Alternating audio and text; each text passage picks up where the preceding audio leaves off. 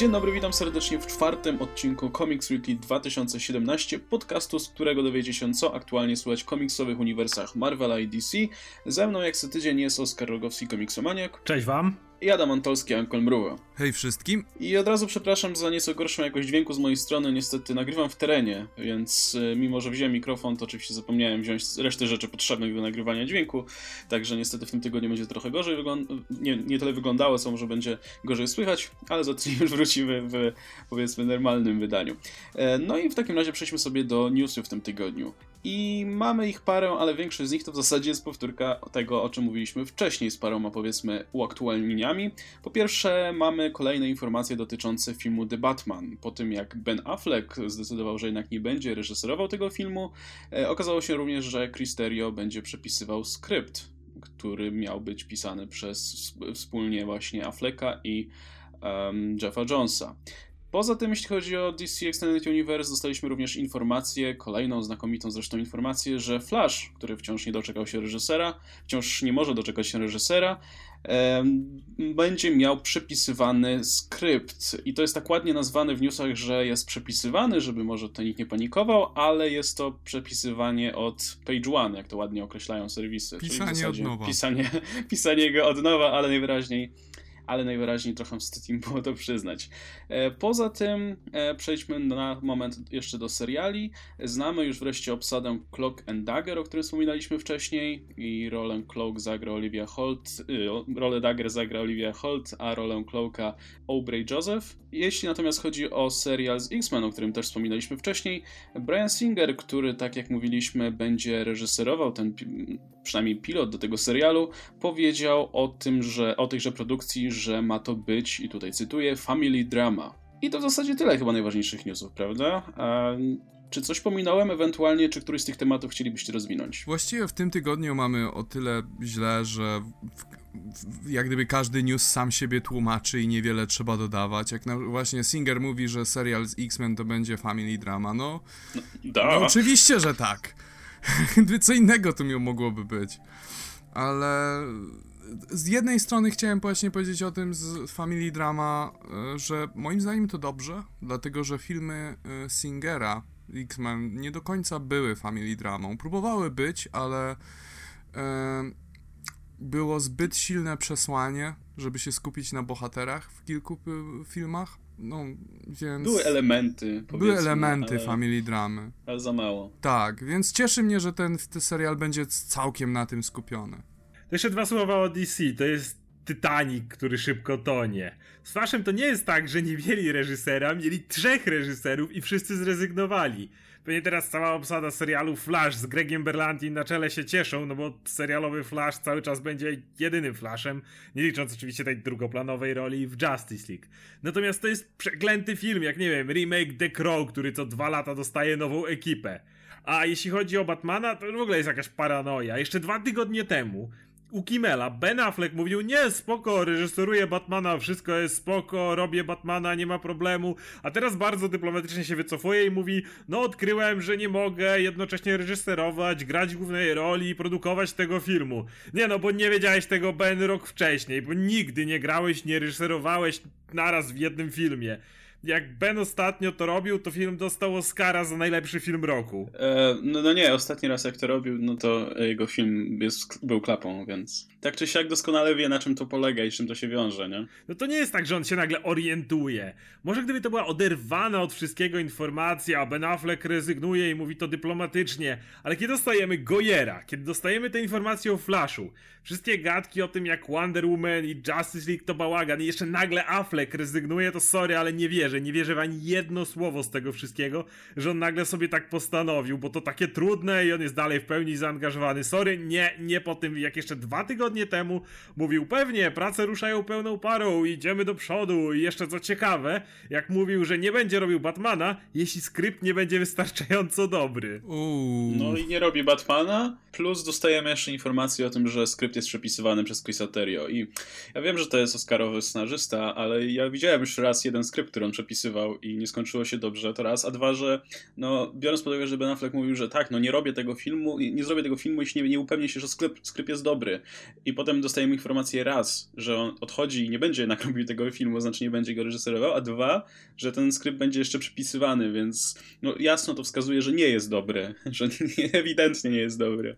To jest o tyle istotne, że Batman to była taka wyspa na oceanie tego szlamu DCU i zagorzali fani, którzy mówili, że Batman v Superman czy Suicide Squad były dobre i okej, okay, może innym się nie podobało, ale jak przyjdzie Batman, w którym Ben Affleck zagra, wyreżyseruje i z Jeffem Jonesem napisze jeszcze scenariusz, to dopiero zobaczycie. A ja jako, ja będę tutaj jedyny optymistyczny głos, ja się cieszę, że Jeff Jones nie pisze scenariusza. Prawdopodobnie będę jedynym takim głosem w całym internecie. Jeff Jones nie rozumie Batmana. Kilka razy czytałem jego komiksy z Mrocznym Rycerzem i jak gdyby kompletnie nie trafiały w tę postać. Ale Affleck rozumie e, Batmana, e... tylko że się z tego wypisuje i to jest bardzo zły znak, no bo Jeff Jones, że tak powiem, i tak był tylko drugą ręką w scenariuszu, a cały ten projekt kręcił się wokół Afflecka. No to jest, to jest zastanawiające. To tylko pokazuje, jak Warner Bros. jest zarządzane przez bandę bezgłowych kurczaków. Mnie trochę niepokoją e, pogłoski o tym, że jego miejsce może zająć Zack Snyder i to mnie naprawdę dreszcze po plecach przechodzą. Na samą myśl o tym. pot. No ja właśnie tak czekam, aż się zaczną uczyć na własnych błędach. To jest takie... Nie, nie, nie, to się nie zdarza. Nie widać tego, jak na tym etapie zatrudniają Goyera. No ale to wiesz, jeszcze okaże się, że David Goyer będzie zaangażowany też w tego Batmana i po prostu historia zatoczy koło i to wszystko imploduje po prostu i będzie święty spokój. Ja w ogóle jestem ciekaw, jak oni chcą teraz szukać reżyserów. Jest już tak duża lista reżyserów, którzy zrezygnowali z pracy przy DCU, na tym etapie, no nie wiem, jaki reżyser się tego podejmie. To będzie ktoś, kto ma bardzo wielkie mniemanie o sobie i stwierdzi, że ten statek wyciągnie, że on to jeszcze jakoś odratuje, bo inaczej, nie wiem, jak dadzą to Snydera, Snyderowi, to będzie tak mega wtopa PR-owa, bo teraz muszą naprawdę PR-owo jakoś to dobrze zagrać. Bo reklamowali się do tej pory Affleckiem. Po prostu wszędzie było, że Affleck zrobi tego Batmana. Taki wielki szyld po prostu, na którym się wszędzie afiszowali i który miał wszystko podtrzymywać. No a w tej chwili, kiedy to poszło do kosza, to ja naprawdę nie zdziwiłbym się, gdyby Affleck zrezygnował jakoś z roli. Tam akurat wiąże go oczywiście kontrakt i o tyle co ze stołka reżysera mógł ustąpić, to nie bardzo może ustąpić z roli Batmana, bo pewnie musiał płacić jakieś horrendalne pieniądze. W każdym razie na tym etapie, jako stosunkowo świeży fan DC, to chciałbym, żeby sobie już darowali, po prostu zamietli wszystko pod dywan. Dopóki nie znajdą kapitana tego statku, takiego fajgiego dla Warnera, który stanąłby na czele i to po prostu jakoś poprowadził. No bo jak patrzymy na filmy Marvela, przy których mamy taką pewność, że one powstają, jak coś jest ogłoszone, no to wiemy, że to będzie. No wyjątek był przy Inhumans, ale tam była cała ta drama Pearl Matter, Feige w końcu i tak to przeszło na serial. Ale jak coś jest zapowiedziane, no to jest i jedziemy. I oni mogą sobie brać Jamesa Gana, który robił wcześniej mniejsze filmy, mogą sobie brać, nie Taika Waititi do Thora w tej chwili i wiemy spokojnie, że to się tam będzie tworzyło. Warner w tej, Warner w tej chwili jeśli chce cokolwiek odratować z Batmana, to muszą pewnie znaleźć jakieś mega nazwisko, tylko no nie wydaje mi się, żeby mega nazwisko chciało ten film robić. Także według mnie ten statek powinien zatonąć i za jakiś czas po prostu wystartować nowy. No to są efekty tego ich podejścia idiotycznego z tym, żeby od razu praktycznie budować Justice League potrzebnie, bo to nakłada teraz taką gigantyczną presję na te kolejne filmy, nie? No jak film nie wyjdzie, to od razu praktycznie podkopuje kolejne filmy. I jak dla mnie, to jedyna opcja jest taka, że po prostu dali sobie z tym spokój spokój i skupili się na robieniu sensownych standalone filmów. E, o Aquamanie cały czas jest cicho. To jest ten jedyny stateczek taki. To nie jest za późno. Ludzie i tak pójdą na te filmy, ale chodzi o to, żeby nie sprzedawać tego jako wielką część uniwersum i tak dalej, bo to nie ma żadnego sensu. Spokojnie, myślę, że taki flash czy coś jest jeszcze spokojnie do odratowania, gdyby po prostu faktycznie poświęcono temu projektowi trochę czasu, zaangażowano słownego reżysera. Nie wiem, Guy Ritchie będzie wolny na przykład po tym, po Królu Arturze, a ten, ten gość, jak on się tam nazywał, e, Joby Harold, który pisze ten scenariusz nowy, no, pisał tego Króla Artura i Guy Ritchie jest dalej skontaktowany z Warner Bros. Mogliby go spokojnie wziąć i myślę, że to, to już by było coś, co by pokazało, że jakiś plan na to jest. I, I ogólnie, w sensie ja to w ten sposób bym widział, tylko i wyłącznie gdyby faktycznie te, wybrali ileś tam tych projektów, które mają sens i próbowali je robić jako standalone filmy bez, wiesz, kombinowania, wrzucania cyborgów gdzieś tam w scenariusz z dupy i tak dalej, nie? Problemem w tym wszystkim jest Justice League. No tak, tak, jasne. Gdyby nie było filmu Justice League, to jeszcze bym się z tobą zgodził, ale ponieważ ten film wychodzi, on się łączy, łączy to wszystko i pokazuje, jak to wszystko jest obok siebie i jak będziesz kojarzył Flasha no tak, z tak. tym wszystkim, no to ciężko potem pokazać go jako coś odrębnego. Wiesz co, moim zdaniem wszystko w dużej mierze jest odpowiedzialny e, Man of Steel. I ja już mówiłem tutaj na łamach tego podcastu, że tak, Man of Steel jest najlepszą częścią DC Extended Universe, ale tylko dlatego, że się zrodził nie będąc częścią DC Extended Universe i jeszcze nie wiedzieli o tym do końca. Przynajmniej jakby... działa jako film, nie? Działa jako, działa jako sam z siebie film, natomiast próbowali na podstawie tego zbudować całe uniwersum i Man of Steel nie było dobrze do tego zaopatrzone, jak gdyby. Nie było dobrze do tego przygotowane. E, ten Superman z Man of Steel zostawiał wiele wątpliwości, przynajmniej dla mnie. Ja zawsze odnosiłem wrażenie, że ten film jest e, strasznie płytki w tym, jak przedstawia Supermana, jego, całą, jego całe, e, nie wiem jak to powiedzieć, kodeks działania, czy coś w tym stylu. Jak gdyby film nie był mi, nie był w ciągu dwóch godzin mi nie powiedział, kim jest Superman tak naprawdę i jaka jest je, jego rola w tym świecie. I od tej pory każdy film e, DC Extended Universe próbował w jakiś sposób radykalnie e, zrewolucjonizować całe uniwersum. I to po prostu tak nie działa. Uniwersa filmowe działają głównie przez konsekwencje jeżeli, wiesz, jeżeli jesteśmy w stanie uwierzyć, że to wszystko faktycznie jest jednym wielkim światem. Ja, prawdę mówiąc, ciężko mi sobie wyobrazić, że świat Suicide Squad i Man of Steel to ten sam świat. I nie wiem, jakoś po prostu podeszli do tego na Hama, zbyt szybko próbowali to zrobić, zgadzam się tutaj zupełnie.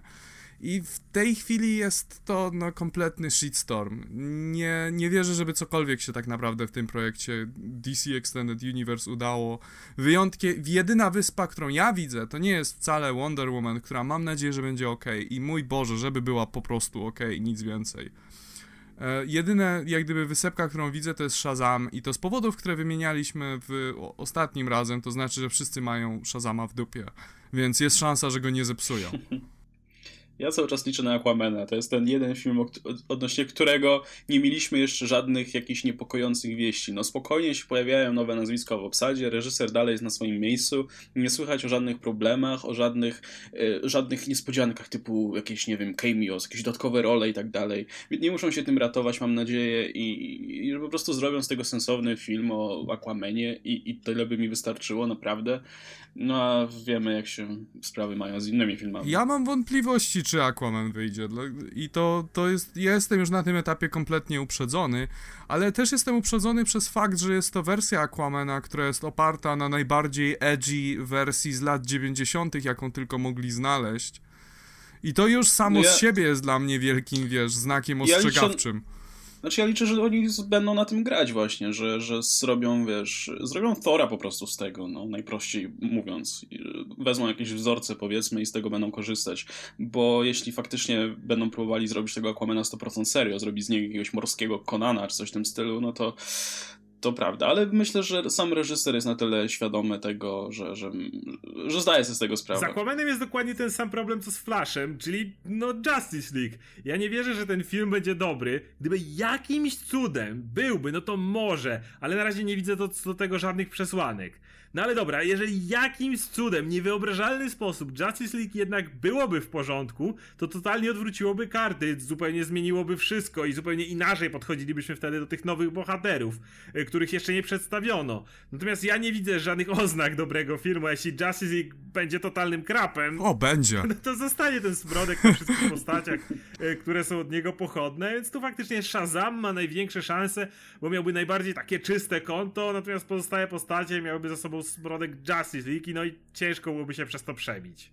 E, Łukasz, skąd był ten cytat, który wrzuciłeś u nas tam na Facebooku, na, naszej dyskusji? E, to był Cristerio, który opowiadał o Aha, tym, a... jak się przygotowywał do pisania, do pisania, tak, bo on pisał od początku, do pisania scenariusza Justice League, także... Tak, że czytał o tym, o przesunięciu światła w fizyce elektromagnetycznej, myśląc o tak. Flashu, badał głęboko morską faunę w rowie mariańskim, by stworzyć świat Aquamena i czytał relacje greckiego historyka Diodora e, sycylijskiego z wojny między Amazonkami i Atlantydą. Może by lepiej, kurwa, poczytał komiksy.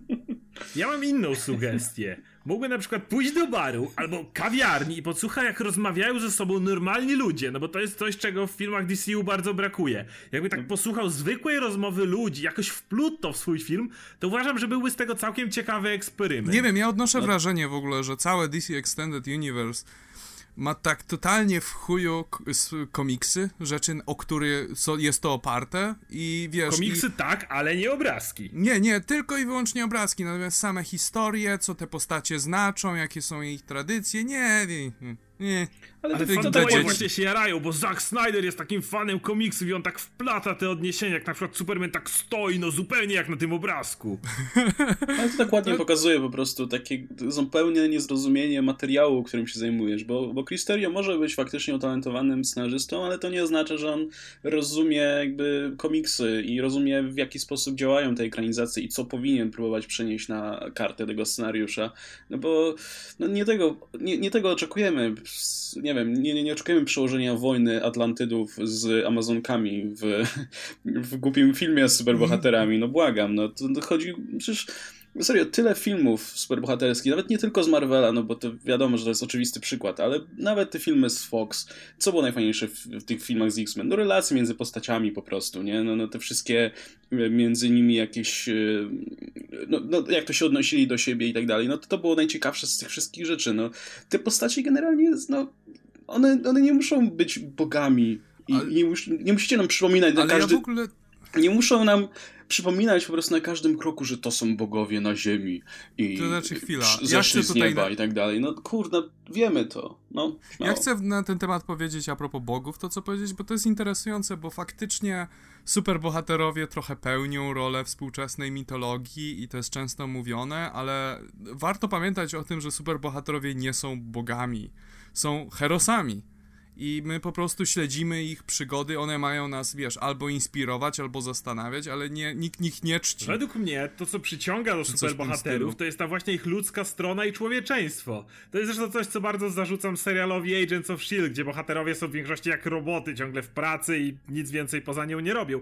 Natomiast wydaje mi się, że w komiksach właśnie to najbardziej przyciąga, że Superman jest, nie to, że jest tym bogiem, czy Hulk super siłą i może rozwalić wszystko, e, ale chodzi o to, że chcemy wiedzieć, jakim, jakim ci, ten gość jest człowiekiem, jakie ma relacje z innymi. Batman jest niby zwykłym człowiekiem, ale oczywiście nie do końca, bo jego umysł pracuje na zupełnie nieludzkich obrotach, ale znowu, bez tych wszystkich relacji z Catwoman, z Alfredem, z Damianem, czy z resztą Batrodziny, no byłby płaski i raczej by nie interesował. My nie chcemy historii o bogach, którzy są pozbawieni jakichkolwiek emocji, tylko chcemy historię o ludziach, którzy przy okazji mają boskie mocy, albo jak już to o bogach, którzy starają się być ludźmi, a w filmach DC Warnera bardzo tego brakuje. Ze, ze strony superbohaterskiej wcale nie chcemy widzieć, jak ci superbohaterowie są super potężni. Jak gdyby nie, to, nie, nie po to czyta się komiksy, żeby zobaczyć, że o, Superman jest tak potężny, tylko chcesz widzieć jakieś wyzwanie dla Herosa, któremu on musi, wiesz, stanąć czoła i być może coś poświęcić po drodze.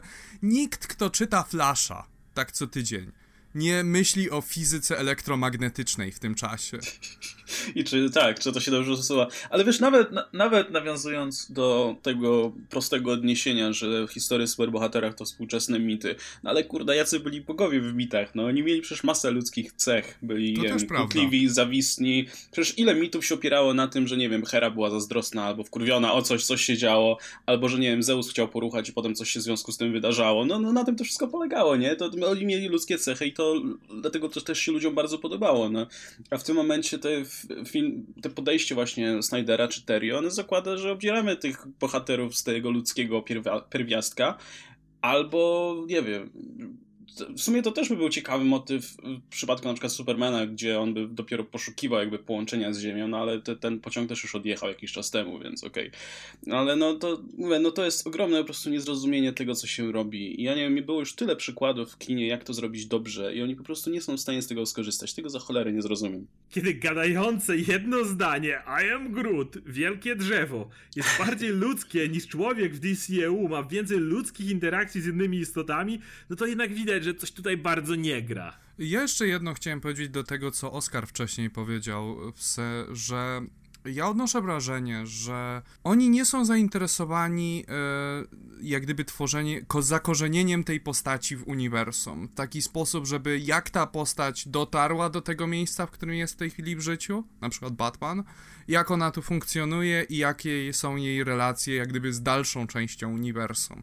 Coś, co bardzo wyraźnie widać w filmowym uniwersum Marvela i dlatego działa tak świetnie. Każda postać jest w jakiś sposób zakorzeniona. Nie, Zack e, był przede wszystkim zainteresowany tym, żeby jakiś konkretny obrazek z komiksu przenieść i teraz jak ten obrazek możemy wpleść do filmu, żeby to nie było kompletnie bez sensu. Natomiast nie zastanawiał się nad tym właśnie, czy ten obrazek ma sens dla tej konkretnej postaci w tym konkretnym momencie jej życia i tak dalej.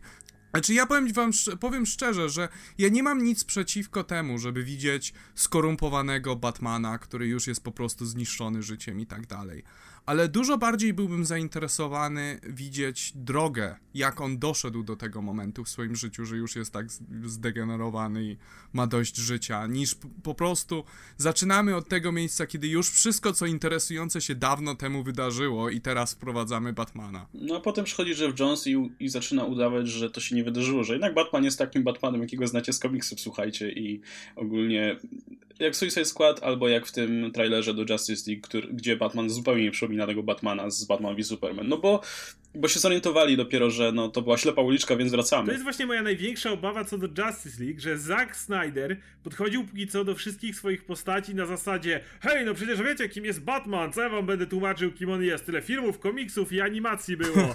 Batman on zabija, bo mu się dużo złych rzeczy stało. Zresztą wiecie też kim jest Superman, to nie będę wam tłumaczył. Pojawia się Wonder Woman, to dostajecie nerdgazmu, że ją widzicie. Co ja wam będę tłumaczył, kim jest Wonder Woman.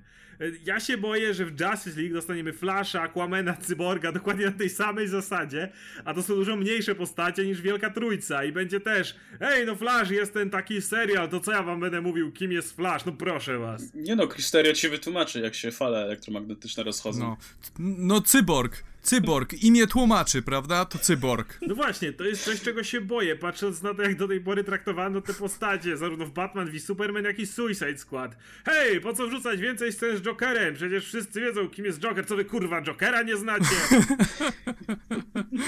Dlatego boję się, że Justice League będzie takie same. Jedna Wonder Woman dostaje jakąś genezę i może dostaniemy jakieś motywacje. Oby. Ja się tak bardzo boję o Wonder Woman. Jak gdyby ja jestem na, po prostu na skraju moich nerwów. Ja czasami się budzę po prostu z płaczem i ze strachu, że Wonder Woman będzie ssała i będzie kompletną klapą.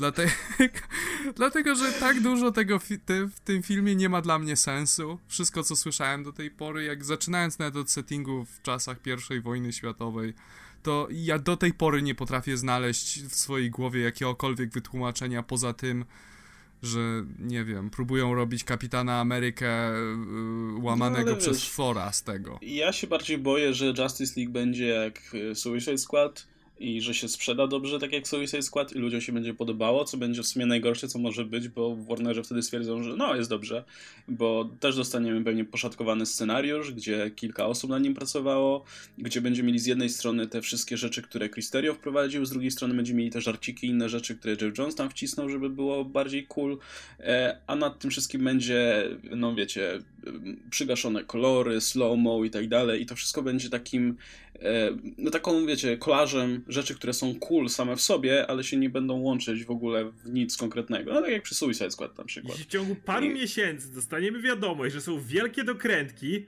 to ja to będę widział w ten sposób, że dokładnie ta banda kurczaków bez głowy obsrała się, kiedy Affleck odszedł. Wiecie, wielka ich pierowa zagrywka, ej, Batman będzie spoko i teraz jak ważny będzie dla nich po prostu Justice League, To jest film, na którym zaważy przecież wszystko i będą starać się go tak po prostu szlifować. Będzie miał z 10 wersji, każda testowana na tych ich test screeningach, będą starać się znaleźć po prostu matematyczny wzór na idealny film. No i oczywiście dostaniemy dokładnie to samo, co ostatnim razem. Ale Jezus Maria, jak może być trudne zrobienie filmu Justice League? Po prostu zerżnijcie z Avengers. Nikt nie będzie mieć wam tego za złe, jak gdyby na tym etapie. Ja bym dużo chętniej zobaczył klona Avengers z ekipą, wiesz, z Justice League. Zróbcie, że o, Lex Luthor i Joker skontaktowali się z Darkseidem i przez jakiś czas Liga trzyma ich tam w więzieniu i później Lex Luthor ucieka. Zróbcie dokładnie Avengers i ja będę w 100% szczęśliwy. No, otwierają portal i przez niego wlatują parademony. Tak, parademony. Ale...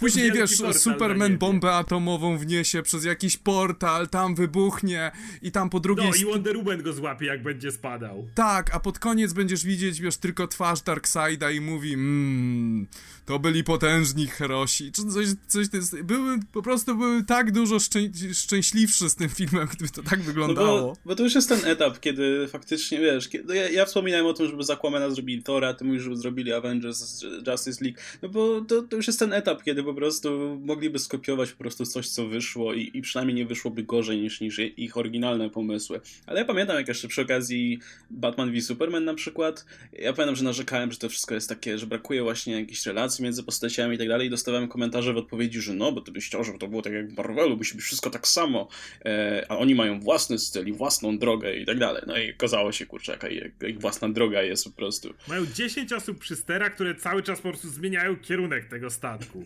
Ale wiecie, ja wam w ogóle powiem, że dla mnie przynajmniej ta pierwsza faza filmów Marvela to dużo bardziej przypominała DC, jakby w klimacie, niż, e, w, niż Marvela jak gdyby było dużo więcej takiego, takiej radości, która, bo, która jest bardziej charakterystyczna dla DC. Przynajmniej, te, przynajmniej tak z mojej perspektywy to wyglądało. Pamiętam, że Thor był bardziej supermanowy niż Superman w Man of Steel.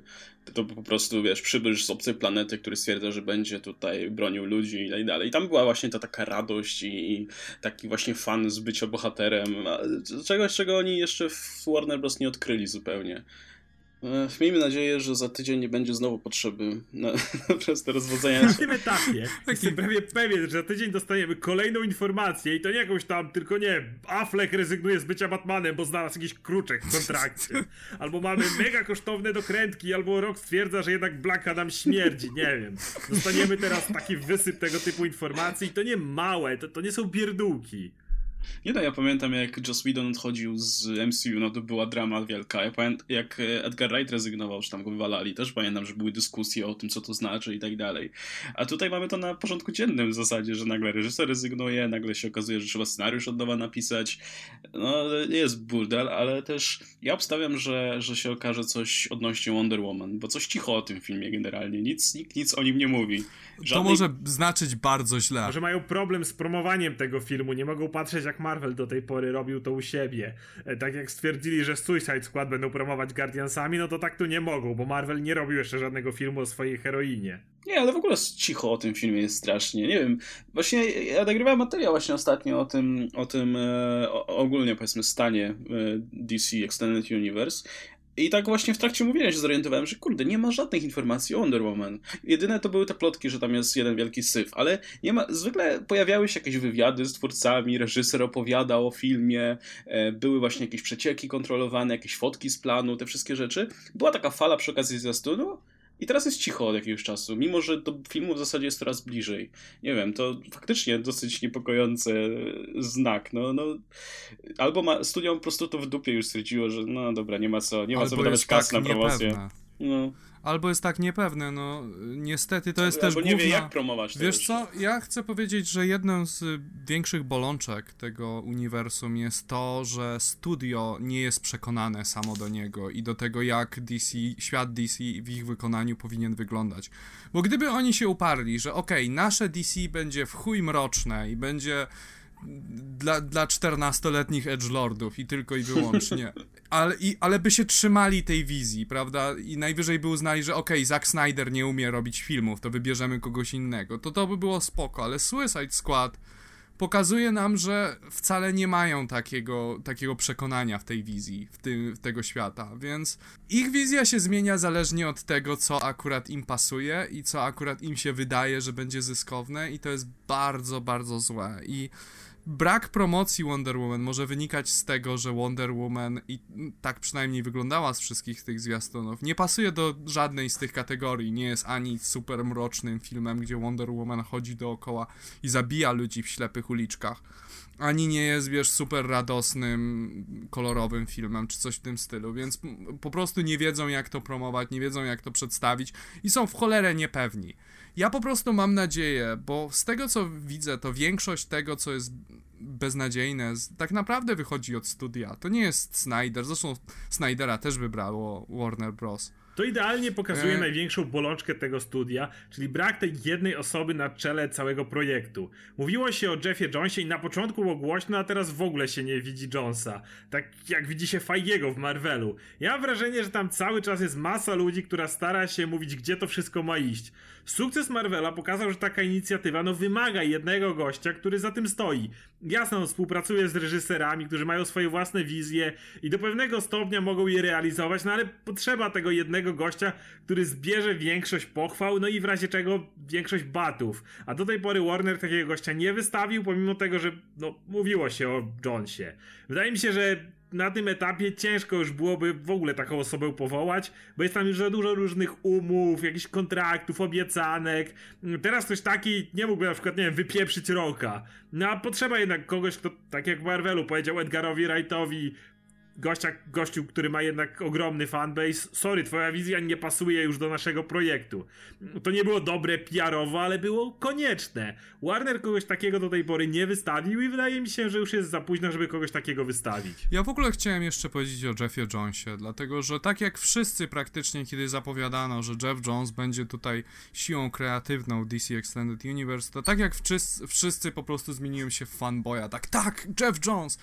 Ale im dłużej nad tym myślisz, to wcale nie jest tak znowu dobra decyzja i wcale nie jest to tak znowu dobra osoba, jak gdyby... No trudno, powiem to, ale ten film z Zieloną Latarnią, z Ryanem Reynoldsem, Jeff Jones był tam producentem, jednym z producentów. I nie uratował tamtego filmu, a to jest jego ukochana postać, ta, z której jest najlepiej znany, więc no ja mam takie wątpliwości, czy Jeff Jones znowu jest takim fantastycznym wyborem na, tak, na taką rolę. No właśnie chyba najbardziej znaczące jest to, że w ogóle go nie widać nigdzie. I... No dokładnie tak to odnoszę. Feige jest taką twarzą, którą widać wszędzie. Jeff Jones coś robi, ale w sumie nikt z nas do końca nie wie co. To znaczy, jak, jak został ogłoszony, to było parę momentów, kiedy faktycznie się pokazał, kiedy tam na Twitterze mówił, że film będzie się nazywał Justice League i kropka i tak dalej i wtedy mogłeś mieć nadzieję, że o, faktycznie, kurczę, coś coś znaczy i tak dalej. A potem się nagle zrobiło cicho i potem nagle zaczęły się pojawiać decyzje z różnych stron, gdzie Jeff Jones w ogóle tego nie komentował, ani się nie pojawiał na żadnych konferencjach, ani nic, więc fakt, jakoś chyba jego rola została szybko tutaj e, zminimalizowana najwyraźniej. No, to, fakt, wydaje mi się, że tak jak, tak jak Adam mówi, że po prostu tam jest dużo ludzi, którzy jakby boją się o to uniwersum, boją się o zyski i tak dalej i po prostu nie są w stanie zaufać jednej osobie, żeby tym kierowała, no. I kończy się tak, jak się, jak się zwykle kończą projekty, gdzie za dużo ludzi ma możliwość decydowania, nie? No dobra, e, także e, wybaczcie nam, że tutaj ten temat poruszamy regularnie, no ale dają nam powody cały czas, praktycznie niestety. E, I najwyżej to przerzucimy do osobnego segmentu dla, dla fanów. Wieczorek zwierzeń z DC Extended powinniśmy, Universe. Nie, serio powinniśmy po prostu zrobić Comics Weekly jakiś spin-off, tylko wiesz, tylko DC Extended Universe, taki wiesz, taki wiesz, korner z depresją po prostu. Po prostu będziemy się spotykać i, i siedzieć i, i, i, narzekać, jak jest źle. Tak jak teraz mówiłem o DC, to puszczę w tle coś żałobnego, żeby klimat zrobiło, żeby zrobiło dobry klimat. No miejmy nadzieję, że to się nie będzie o czym mówić w związku z... albo że będzie coś pozytywnego do powiedzenia na przykład, byłoby fajnie. Powiedzmy sobie jeszcze krótko o dwóch serialach, które się pojawiły ostatnio, mianowicie Legion i Riverdale, czyli dwie produkcje, które trochę odstają od tego, co do tej pory widzieliśmy w temacie e, komiksowych seriali, powiedzmy. No bo Legion to. E, no, niektórzy z nas mieli fart widzieć już ten serial, przynajmniej pilot. A e, Oskar widział pilot, tak? Ja widziałem trzy odcinki.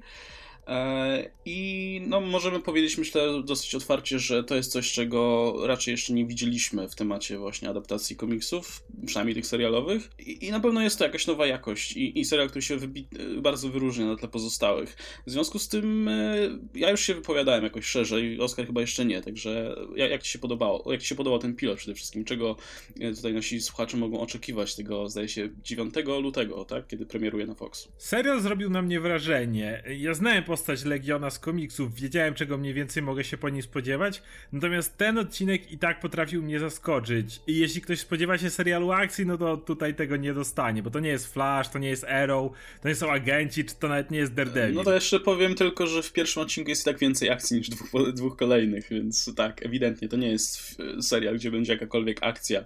To jest raczej, raczej, raczej jeden wielki AC trip. Co jest ciekawe, to że właściwie nie wiemy, co jest w głowie głównego bohatera, a co nie, co się dzieje naprawdę, a co nie, czy ludzie, z którymi David rozmawia, naprawdę tam są.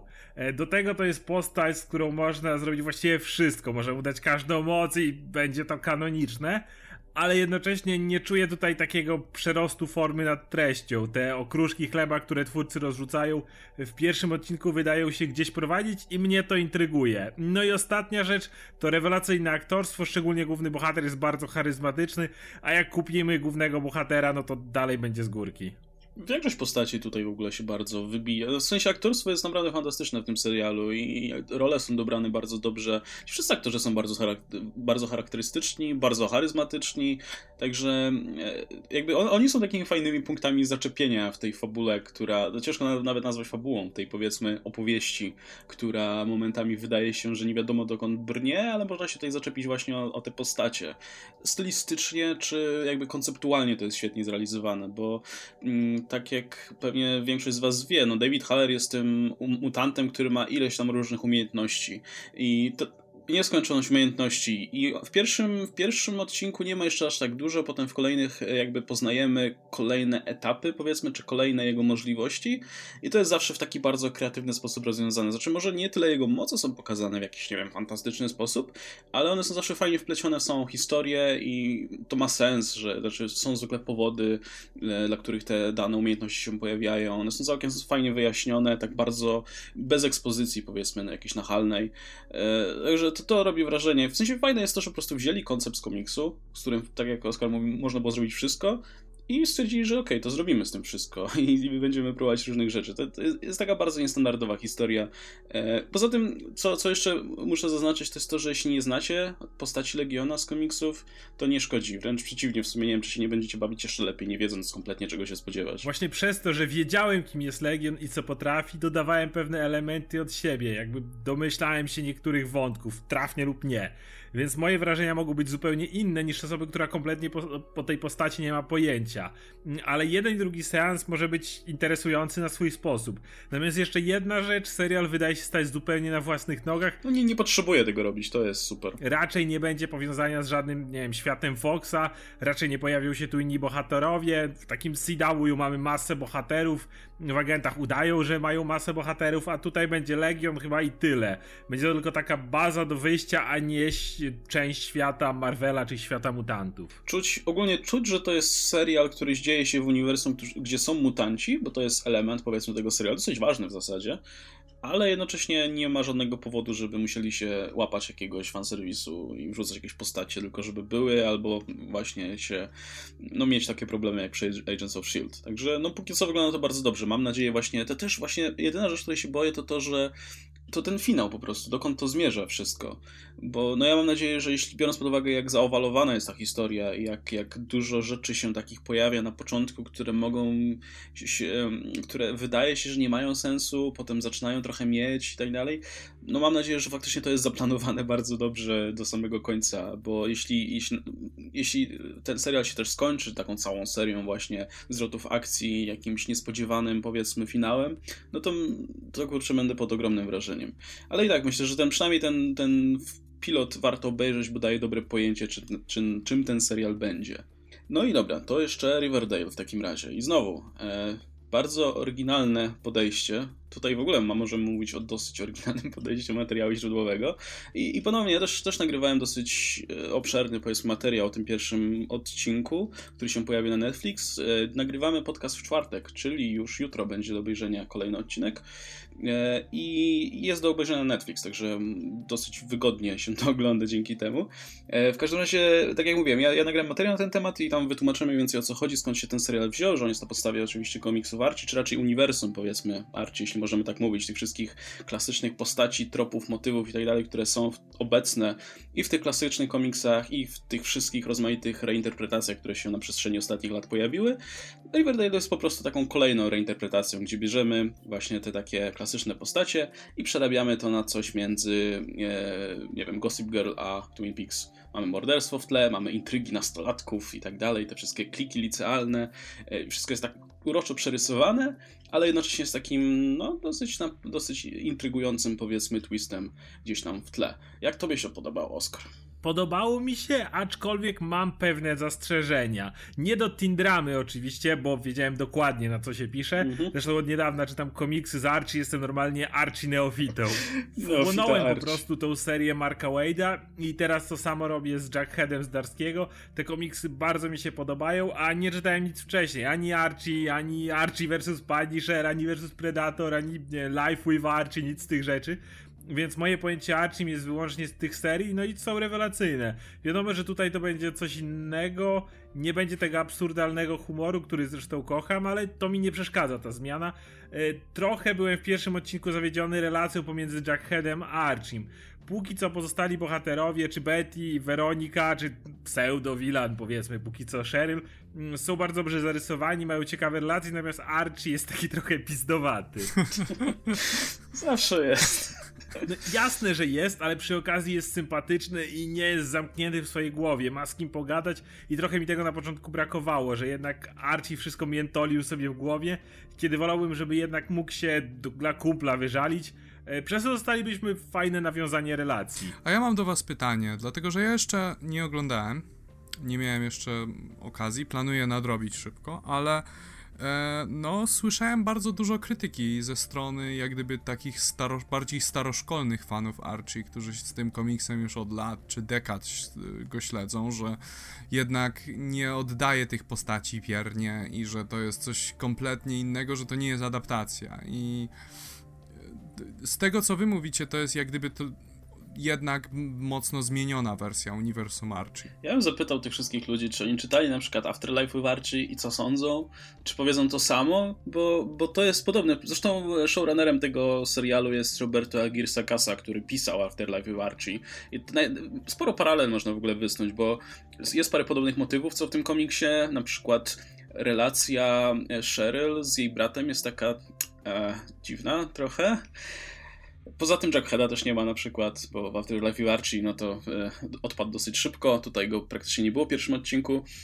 No, jest powiedzmy parę podobieństw e, i to jest podobne podejście trochę do. Właśnie dlatego uważam, że to jest dobre porównanie, bo to jest podobne podejście. Po prostu bierzesz te klasyczne postacie, klasyczne motywy, ale starasz się powiedzieć o tych postaciach coś nowego, e, stawiając je w trochę innych okolicznościach, czy, czy po prostu zarysowując sytuację w inny sposób. No, umówmy się, no, można by zrobić serial klasy... oparty o klasyczne komiksy z Archie, ale to, było, to by się nadawało, nie wiem, wiesz, na Disney Channel, jako taka komedyjka dla dzieci. No bo no, jak to by się inaczej zrobił? No nie da No nie, to jest Musiał, prawda. Musisz dodać tym postaciom właśnie Ale jakieś... chodzi mi o to, czy nazwałbyś to wariacją na temat świata Archie, czy to jest jednak tak, adaptacja tak. bardziej? Słuchaj, oni bardzo oni bardzo mocno, moim zdaniem, korzystają z wielu elementów charakterystycznych dla Archie. W sensie ja kojarząc te, kojarząc te postacie, no, masę po prostu motywów była dla mnie naturalna i, i wiesz, po, poznawałem te rzeczy. Nawet po przeczytaniu Archiego i innych tego fragmentu pochodnego, może 20 zeszytów, dalej wyłapuję odniesienia. Miałem takie, a to znam, to jest Weronika, zachowuje się taki tak, to jest Betty i tak dalej. Więc jak najbardziej łap te odniesienia już nawet na tym etapie i to jest bardzo przyjemne. Łatwo rozpoznać, to są te same postacie mniej więcej, tylko one jakby trochę z innych, e, z innych miejsc się wywodzą jakby, znaczy one mają ten jakby trochę inny background. Jak na przykład masz Betty i to jest cały czas ta sama Betty, która jest sympatyczna i miła i jest taką dziewczyną z sąsiedztwa i tak dalej, a na przykład w tym serialu ona ma taką bardzo apodyktyczną wręcz, no, no taką bardzo powiedzmy e, nieprzyjemną matkę, powiedzmy, która ma strasznie wygórowane ambicje odnośnie swoich córek i tak dalej. Więc ta Betty jest jednocześnie w tym serialu dużo mniej przybojowa, taka bardziej zastraszona, bardziej, wiesz, taka uległa, no bo to jakby wynika, powiedzmy, z tego, co w tym serialu zaproponowali dla tej postaci, nie? Jest sporo takich właśnie małych twistów, które jednocześnie biorą te klasyczne postacie i jakby dają im potencjał na rozwój w zupełnie inną stronę. I to moim zdaniem to jest super, bo kurczę, no, no mówię, no nie dałoby rady zrobić serialu w ten tak interesującego, gdyby po prostu wziąć te postacie i nie zmieniać w nich nic. No bo nie da rady, bo są takie archetypy, no tak jakbyś próbował zrobić teraz realistyczny serial o myszce Miki. Bo to są, to są postacie, które jakby nie funkcjonują jako postacie, bohaterowie z krwi i kości, musisz coś w nich zmienić. I zresztą ja, ja czytałem nawet narzekanie na tę serię Wade'a, że, że to też nie jest to, że, że, że jakieś tam kombinują za bardzo. Wiesz, no wiadomo, że to jest, że to ma być edgy, i sexy i tak dalej, ale taka jest konwencja tych seriali, nie? Taka jest konwencja seriali typu Gossip Girl i tak dalej. I oni idą bardzo w tym kierunku, bo uznali, że po prostu to jest dobra baza do zrobienia czegoś takiego. No, ciężko, wiesz, no ciężko też oceniać serial w całości po jednym odcinku, ale na razie, jak dla mnie, moje oczekiwania spełnia póki co. Też trochę żałuję, że Jackheada jest mało, bo to była moja ulubiona postać zawsze. Mi nie tyle brakowało Jackheada, co jego relacji z Archie. Nie, no Archie zawsze był tą cipą, co wiesz, co... Tak, ale był sympatyczny, bo albo jak u Wade'a, z tego, albo z tego, co widziałem też wcześniej, gadał do kamery, że tak powiem, no, do, do, do czytelnika, Albo gadał do Jackheada. Generalnie to nie był gość, który siedzi we własnej głowie. Ale podoba mi się w tym serialu, że Archie nie jest taki jakby... E, nie jest takim złotym chłopakiem, w sensie takim, który generalnie chce się przyjaźnić ze wszystkimi i nie mieć z nikim żadnych zatargów. On tutaj jest trochę e, bardziej jakby świadomy tego, że, że, że się podoba innym i że ogólnie jakby swojego wpływu, który wywiera, jest taki dużo mniej sympatyczny na pewno niż w komiksach. Jestem ciekaw, co z tym dalej zrobią. No to, to brzmi ciekawie faktycznie. No, no, brzmi ciekawie, bo, bo wiesz, no, tylko że przygotuj się na oczywiście Teen Dramę, nie? No bo ja czytałem komentarze nie, no w stylu... Jasne. Czytałem komentarze w stylu, o nie, to wygląda jak jakaś Teen Drama. No nie, nie, nie. Ciężko tego nie spodziewać się po Archim. Powiem to... tak, CW słynie z tego, że robi dramy wszędzie, gdzie nie powinno ich robić. Jak Arrow czy Flash. Tam jest tego za dużo, ale jak zabierają się za serial, który ma być dramą, no to potrafią to zrobić. Do tej pory jest najlepszy serial CW uważałem The Hundred o setce nastolatków zrzuconej z kosmosu na postapokaliptyczną ziemię. I hej, ciekawe jaki będzie koncept tego serialu. No oni potrafią robić takie rzeczy. To jeszcze zadam Oskarowi najważniejsze pytanie. Team Betty czy Team Weronika? No Team Weronika, zawsze. To znaczy, no, zawsze od Weronika jest, tak, Weronika jest tak super w tym serialu. Jest po prostu, w zasadzie jest, jest ciekawsza niż, niż w tych komiksach jest tak fajnie sportretowana jako właśnie, jako właśnie typowa Weronika, jako taka właśnie rozpieszczona dziewczyna, która zna swoją wartość i jakby jest bardzo przebojowa i tak dalej, ale jednocześnie znowu, tutaj jest taki twist, że ona jest y, trochę nad, nad, w dole, powiedzmy, w sensie jej ojciec został zamknięty za przekręty finansowe, w związku z tym ona przyjeżdża do Riverdale powraca w zasadzie do Riverdale. Weronika przyjeżdża trochę jako właśnie ta księżniczka z Nowego Jorku, która musi znowu mieszkać w tym zapieziałym Riverdale i jeść hamburgery w tym e, chujowym barze. E, więc i, i, widzimy właśnie, jak ona się będzie prawdopodobnie próbowała odbudować tak, na swoją stałą pozycję Także no, ja bym radził jakby się zapoznać chociaż jakoś tak bardzo pobieżnie o co chodzi w Archim i, i wtedy myślę, że spokojnie można docenić, e, docenić to, co ten serial robi. Bardzo świadomie moim zdaniem, bo widać, że jest tym zamysł jakiś. Natomiast no nie, jeśli ktoś jest diehardowym fanem Archie, a nie sądzę, żeby w Polsce takich dużo osób było, to mm, jasne, może mieć jakiś problem z tym, że te takie łagodne i jakby dziecinne, trochę infantylne historie, takie bardzo niewinne, zostały zamienione na, na taką sexy dramę w ogóle dla nastolatków i o wpływach, o morderstwie w tle i tak dalej. No okej, okay, ale no, można nie oglądać zawsze, nie? Po prostu. I już. Czytać sobie dalej Archie Digest, gdzie cały czas leci to, lecą te same komiksy z tymi samymi rysunkami i się tym cieszyć. I to dalej jest fajne, zresztą też to czytam ostatnio. E, dobra, komiksiki, słuchajcie, żebyśmy przeszli sobie teraz płynnie do e, niewielu w sumie komiksów w tym tygodniu, które jakoś tam wywoływały emocje. E, przede wszystkim mieliśmy drugi zeszycik eventu Marvela, który mi się coraz bardziej podoba, się nazywa Monsters Unleashed. Mówię dlatego, że jest po prostu, nikt nie udaje, że to jest coś ważnego, ani tak. specjalnie e, coś, co zmieni wszystko, albo po, ten. Potrzebowałem czegoś takiego, czegoś po prostu, co będzie e, głupią historią o potworach, które lądują na Ziemi i w związku z tym bohaterowie muszą współpracować ze sobą. E, mamy po prostu ileś tam rozmaitych ekip w tym uniwersum. No to jest coś, co mówiłem przy okazji Civil War 2, że po prostu możemy zobaczyć to uniwersum w pigułce po prostu, jak te rozmaite grupy się do siebie odnoszą i tak dalej. Jak po prostu zobaczcie wszystkie w ramach jednego komiksu. Dobre, powiedzmy, okno e, z ekspozycją dla nowych czytelników. Że ale to nie jest ustawianie coś. sceny. Tak jak Civil War 2 było gównianym nie jest, eventem, gdzie próbowano za wszelką cenę ustawić. Nie, ale to właśnie jest dobre. Dlatego, no że właśnie. tak wydają się dokładnie takie eventy. Masz Civil War 2, które zostało beznadziejnie napisane, bo zapewne Bendis miał wiele wytycznych, które, do których musi doprowadzić. Stwierdził, że jego, w jego geniuszu idealnie doprowadzić do wszystkich ważnych wydarzeń, które zmienią, rozda- wiecie, przetasują uniwersum Marvela, no tu scenarzyści mogą się po prostu pobawić, bo to i tak donikąd nie doprowadzi. I to nie, i to nie ma donikąd doprowadzić i nikt nikogo nie oszukuje, że to gdzieś prowadzi. To po prostu ma być fajna rozpierdówa z potworami. Jeśli, jeśli nie przeszkadza wam czytanie w języku angielskim, to myślę, że nowi czytelnicy mogą śmiało sobie po to sięgnąć, bo ani to nie jest jakoś powiązane z czymkolwiek, e, ani też jakby nie pogubicie się w tej naprawdę prost, prostej, czy nawet prostackiej fabule, bo a przy okazji sobie zobaczycie ileś tam rozmaitych postaci, jakie mają powiedzmy miejsce w uniwersum czy coś. Oczywiście ja mówię bardzo górnolotnie, one po prostu tutaj są, jakoś działają, ale da, da, da to jakieś pojęcie, kto jest kim i, i, jaki jest jego deal i tak dalej. A poza tym sama historia jest spoko, ale oczywiście jest tutaj gwiazda tego zresztą hey. jeszcze. o której, której trzeba powiedzieć parę słów i ja, i kur, ja pierdolę po prostu. E, po pięknym, po naprawdę cudownie wyglądającym zeszycie pierwszym, który ilustrował Steve McNiven, który jest fantastycznym rysownikiem. Co prawda nie wyrabia się z terminami, ale jak miał I właśnie dlatego. Zeszyt, I właśnie dlatego. Ale jak miał narysować pierwszy zeszyt, to wypadło naprawdę fantastycznie. W drugim zeszycie dostajemy Grega Gościa, Landa. który zawsze wyrabia się z terminami. o tak. Wszyscy wiemy dlaczego. Um, i ten, ja nie ostatnio praktycznie, kiedy mnie widział rysunków gry, one są coraz gorsze jakimś cudem, nie wiem jak to się dzieje, ale one są coraz gorsze. Kiedyś były śmieszne, były odrysowywane i wszystkie postacie wyglądały tak samo, to w pewnym stopniu, w dużym stopniu dalej zostało, ale te postacie wyglądają coraz gorzej. E, Olben Logan jest odrysowany chyba od jakiegoś bista, jak jeszcze był kotkiem, bo ma kocie rysy twarzy z jakiegoś powodu.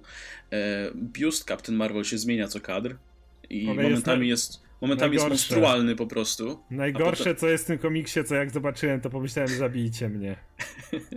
E, poza tym Captain Marvel zyskała moc, moce Miss Marvel jeszcze i jej się Lunella. ręce wydłużają.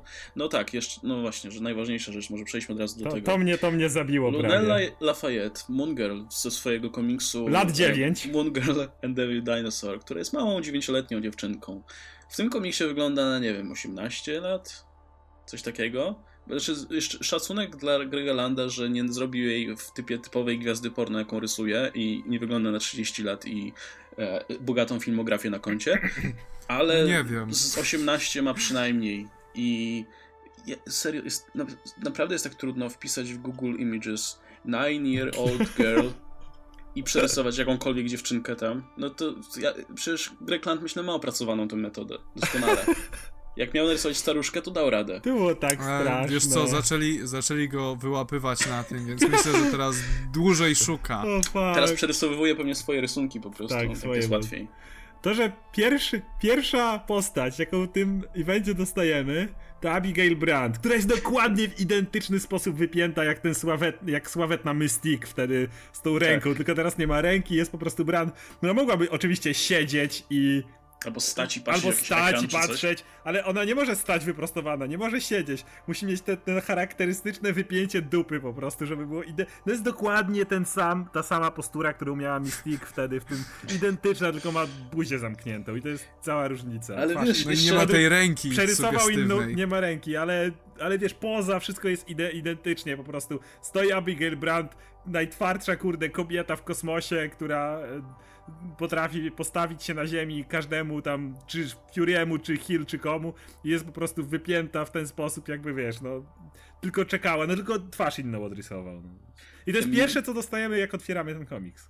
Mnie najbardziej bawi, jak on rysuje Miss Marvel, bo Grekland nie ma zielonego pojęcia, jak ma rysować. Czy mają rysować jak małą dziewczynkę, to znaczy jakby jak, jak Lunelle, czyli taką szesnastolatkę, czy, czy jak te wszystkie inne kobiety, które rysuje. Bo na przykład z Viv się zdecydował, że jednak będzie wyglądała jak, jak kobieta po 30, bo tak, tak będzie lepiej. Ale przy Miss Marvel nie ma zielonego pojęcia i na przykład e, nie wiedział, jaki jej biust narysować bo nie wie, więc narysował jej mniej więcej taki duży jak innym bohaterkom, ale bardziej płaski. I jest okej. Okay. I Wysłary wygląda po prostu strasznie, tak creepy. W ogóle wiesz, nie masz pojęcia, w ogóle wygląda po prostu jak po iluś operacjach zmiany płci, naprawdę. W ogóle jej twarz się zmienia z kadru na kadr. tak, jak, jak zobaczysz to, jej jej, się zmienia, kompletnie jest raz Jej twarz to... na ostatniej stronie, to wygląda jak tak, nie wiem, młoda kobieta, 18, 20 lat. Ale oczywiście... Jak zobaczysz kilka kadrów wcześniej, to jakby ma wygląda jak, nie wiem, mała Azjatka. Ale oczywiście w musi mieć te charakterystyczne, otwarte usta. No tak, tak, tak, tak, Ale wszyscy w ogóle nie wiem, czy zauważycie, wszyscy w tym zeszycie mają w ogóle przymrużone oczy. I ten chłopczyk, który rysuje te, te potwory, on jest Azjatą akurat, więc okej, okay, tam to pasuje, ale inni bohaterowie też z jakiegoś powodu mają w ogóle... Mają, wszyscy! No, choroba, choroba Roba Liefelda. No, ale to jest, to jest bardzo dziwne. Ale właśnie to mnie najbardziej dziwi. No okej, okay, wiem, że on nie potrafi rysować ludzi, ale nawet te potwory są słabo narysowane. Jest ta scena, jak one się tak pojawiają w grupie na koniec, i one wyglądają strasznie, wyglądają po prostu komicznie. Tak? Znaczy, oczywiście to są potwory, które z gruntu wyglądają dziwnie, ale w jego wykonaniu wyglądają po prostu tak, tak parada dziwaków, no, takie dziwolągi.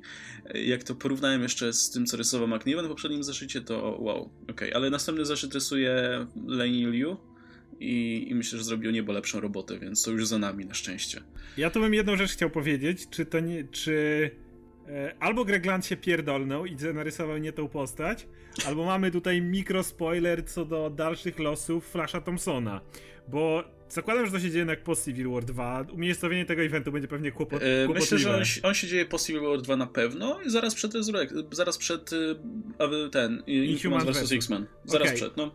I więc po strojach łatwo Jest to moment, kiedy Rocket daje dla pewnej postaci spluwę, i to. to mi wygląda totalnie na Flasha Thompsona, który nie ma na sobie symbionta, więc wygląda to, że on dalej byłby. E, wśród... To jest Starlord.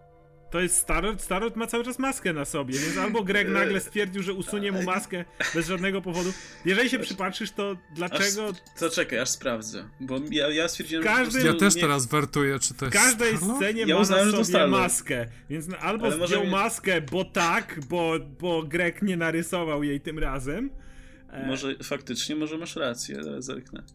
Nie, to mnie właśnie wybiło, czy to jest, no bo jasne, Starlord też jest blondynem e, i ma też takie ciuchy. A ta kurteczka właśnie. Ale no, tak, to, jest ta kurteczka? To jest Starlord. To, tak, jest, to jest ta sama To jest chyba który to nagle... jest chyba ta sama kurtka. To jest, nagle... to jest ten jego mundur nowy, tak. Znaczy Flash miał identyczny. Oh, fuck. Nigdy się nie dowiemy. Nie, no ale nie no... ma Flasha poza tym w komiksie, No więc... nie ma, ale to jest Starlord, który nagle nie ma maski. Bo, no to co? Bo, bo tak. No to zdjął, bo może się spodziewać. Dowiesz, tak? dowiesz, się, dowiesz się w tajnie, co się stało z jego maską, no. No chętnie, chętnie się dowiem, bo to jest tak, wiesz, czytam, czytam i nagle, kurwa, kto to jest? Może jakieś wielkie działo Rocket mu coś daje i co? Nie wiem, okej, okay, to stwierdził, że nagle w czasie walki zdejmie maskę, bo bo hej, to, bo to praktyczne, kiedy no maska ja myślę, mu daje... że jakby Flash miał tu pojawić, to by się pojawił po prostu symbiontem już na Wiesz, ta jeszcze. Maska, ta maska mu daje ogólnie targeting i całą masę rzeczy, ale widać... Nie Chociaż wiem. nie, nie, to nie jest, to nie jest nie? E, Star-Lord, bo Star-Lord ma ten pieprzony kołnierzyk, który mu zakrywa całą szyję, tak. a ten ziomek ma odsłoniętą szyję. Więc to jest Flash. Więc to nie może być Star-Lord. No chyba, że Star-Lord też kołnierzyk schował. No to właśnie nagle. Albo, albo Greg, Ale wiesz, albo to jest, Greg się to totalnie pierdolnął i nie narysował To czekajcie, ja jeszcze na wiki sprawdzę listę postaci. I, i, i się walnął i narysował y, Star-Lorda jak Flasha. Y, albo to jest Flash i w tym momencie mamy faktycznie potwierdzone, że Flash będzie dalej w okolicy ogarniać się trzyma tylko bez No ale, a to w sensie to jest niezgodne, no, no w sensie ja założyłbym, że on się dalej trzyma, aż się, nie wiem, nie dowiemy co zgarnia dalej. Ale on nie ma symbionta na sobie, więc... No właśnie, dziwne, okej. Okay. Hmm. Dobra, drugi zeszyt, zobaczmy. Takim razie? Czy jest Flash na liście postaci? Bo myślę, że tutaj raczej Jak będą nie, to znaczy, wiedzieć. że Land się jebnął i po prostu narysował. No nie, tak nie, jak poda nie podają go w ogóle. To tutaj. Landowi się Wszyscy narysowało. myśleli, Nie... że to Star No to Landowi się narysowało. Może, może nawet tą nie wiedział, kogo ma narysować i tak stwierdził, że narysuje coś, coś po środku. No. I potem wytłumaczy, że to był ten albo ten. To Już. jest dokładnie tak. sch- Schował kołnierzyk, yy, zdjął maskę, która daje mu, tak jak mówię, Starlordowi całą celność i tak dalej. I odłożył swoje elemental guny i wziął od Roketa wielką spluwę. No, generalnie jest inną postacią. No nie, no Rocket mu dał tą spluwę, że ona jest taka super, a zdjął hełm, bo nie wiem. Bo, coś bo nie tam. przyda mu się do celowania. Nie? Mam dla ciebie spluwę, poczekaj, przebiorę się. Okej, no. Land, no jestem w stanie w to uwierzyć. A czekaj, jest, nie, ma, nie ma momentu, jak on strzela tą spluwą? Nie, Nie. Nie, nie zdążył, okej. nie zdążył. Lu- Lubię, lubię te, te dylematy właśnie, kto jest kim na kadrze, bo ktoś nie umie narysować w sposób No to- zrozumiały. To właśnie mnie rozwaliło w tym momencie, bo tak siedzę, co, Flash? Przecież co się z nim stało i tak dalej, ale, ale jestem w stanie kompletnie uwierzyć, że to jest Quill No, ja źle, źle narysowany. Nie no, ja uznałem, że tak Greg Land pró- próbował Chrisa Prata narysować i, i tak mu wyszło po prostu. Właśnie ja to czytałem, właśnie ja, ja, to czytałem i też myślałem, że to jest, y, to jest Star-Lord, ale, ale tak przyglądam się Star-Lordowi, który pojawia się chwilę wcześniej i faktycznie ten ubiór i ten kołnierzyk jest, inny. odrobinę inny. Jest inny. Jak, jak gdyby jak popatrzysz na Star-Lorda, to jest ta konsekwentna linia, która tworzy ten kubraczek cały. Tak. I tutaj u tego ma taką- flash, flashu Star-Lorda Ma to, taki to jest, konkretny kołnierz wygląda biały. inaczej. Tak, ma taki konkretny Okej. biały kołnierz, No. a, a, a nie tą linię. I... Dobrze, to, to niech nasi słuchacze zdecydują w takim razie. A my się pewnie dowiemy w kolejnym, może jak już wreszcie w kolejnym e, zeszycie wystrzeli z, tej, z tego działa, to się dowiemy, kim była ta postać. Ale no to... Ech, to jest ten problem właśnie. A to jest ten sam problem, który ja mam w Batmanie na przykład, gdzie zawsze jak się pojawia ilu, tych wszyscy, jeśli się wszyscy Robinowie pojawiają, to ja też za cholerę nie potrafię ich odróżnić od siebie. Wiem, który to jest Dick Grayson, bo ma taką, wiesz, ba- bardziej fancy fryzurę, a, a poza... i Damian, bo jest młodszy, Mniejszy, na przykład... ale Timmy ale- Jason... Tak. Jasona i Timo za cholerę bym nie odróżnił, ale pewnie jakby mniej, mniej utalentowany był jeszcze rysownik, to by podejrzewam, że Graysona też bym od nich nie odróżnił. Wszyscy wyglądają tak samo, jak takie miniaturki Bruce'a, coraz, coraz mniejsze od niego, więc... E, No ale okej, dobra, o Batmanie jeszcze sobie pomówimy później. W każdym razie, no, komiks był spoko ogólnie. Propsuje takie eventy. E, I był tajny jeszcze do tego, ten z All New X-Men, ja tylko tak krótko powiem. Był śmieszny, znaczy... Był w nim ciekawy element, Gambit się w nim pojawił i ogólnie on się skupiał na tym, że X-23 miał tropić jakiegoś potwora, który zjadał ludzi czy coś i Gambit ją o to poprosił. A oni się znają z tej jej solowej serii, także było taki reunion małe i całkiem fajną chemię, mię- była między, całkiem fajna chemia była między nimi. No a poza tym wytrupili tego, tego potwora i został zaraz potem zjedzony przez jednego z tych wielkich potworów, które spadły z nieba, więc tak to wyglądało. Tylko to było tak dziwnie pisane. A i w międzyczasie ci resz, reszta tych młodych X-Men miała swoje ty- ty- typowe bóle dupy o różne rzeczy. E, I to było dziwnie pisane strasznie, bo X-23 był ten motyw z, z tym komiksie z nią, że ona po prostu, no powiedzmy, nie oszczędzała się. W, ty, w tym komiksie y, ma odgryzioną rękę przez aligatora, bo to się dzieje w Luizjanie. E, I ona sobie z tego, z tego nic nie robi i nosi tą rękę ze sobą w ogóle. To jest tak kurwa makabryczne. I najbardziej makabryczne Trochę jest to, nie ma sensu, bo jak można jej odgryźć rękę? No, aligator odgryzł jej rękę, nieważne. Okej. Okej, czyli aligator a zęby prze, przerywają adamantium. No tak, tak, tak to wygląda. Ale No, to ja bym, ja bym to olał, ale kurde, ona nosi tą rękę ze sobą cały czas i tak ją trzyma ze sobą. To jest kurde tak creepy po prostu.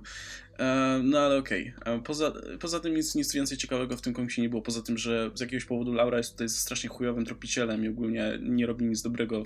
Nic jej się nie udaje w tym zeszycie i Gambit to wszystko widzi, się z niej śmieje, więc to tyle mniej więcej, ale tu nie było tego, wiesz, tu nie, tu nie było tego motywu jak w poprzednich tajnach, że, że widzieliśmy te same wydarzenia, co w głównym ale- zeszycie. W Deadpoolu i Spider-Manie też nie było, to bo na razie było tylko w jednym tainie w Avengers. Dziwne, dziwne, dziwne.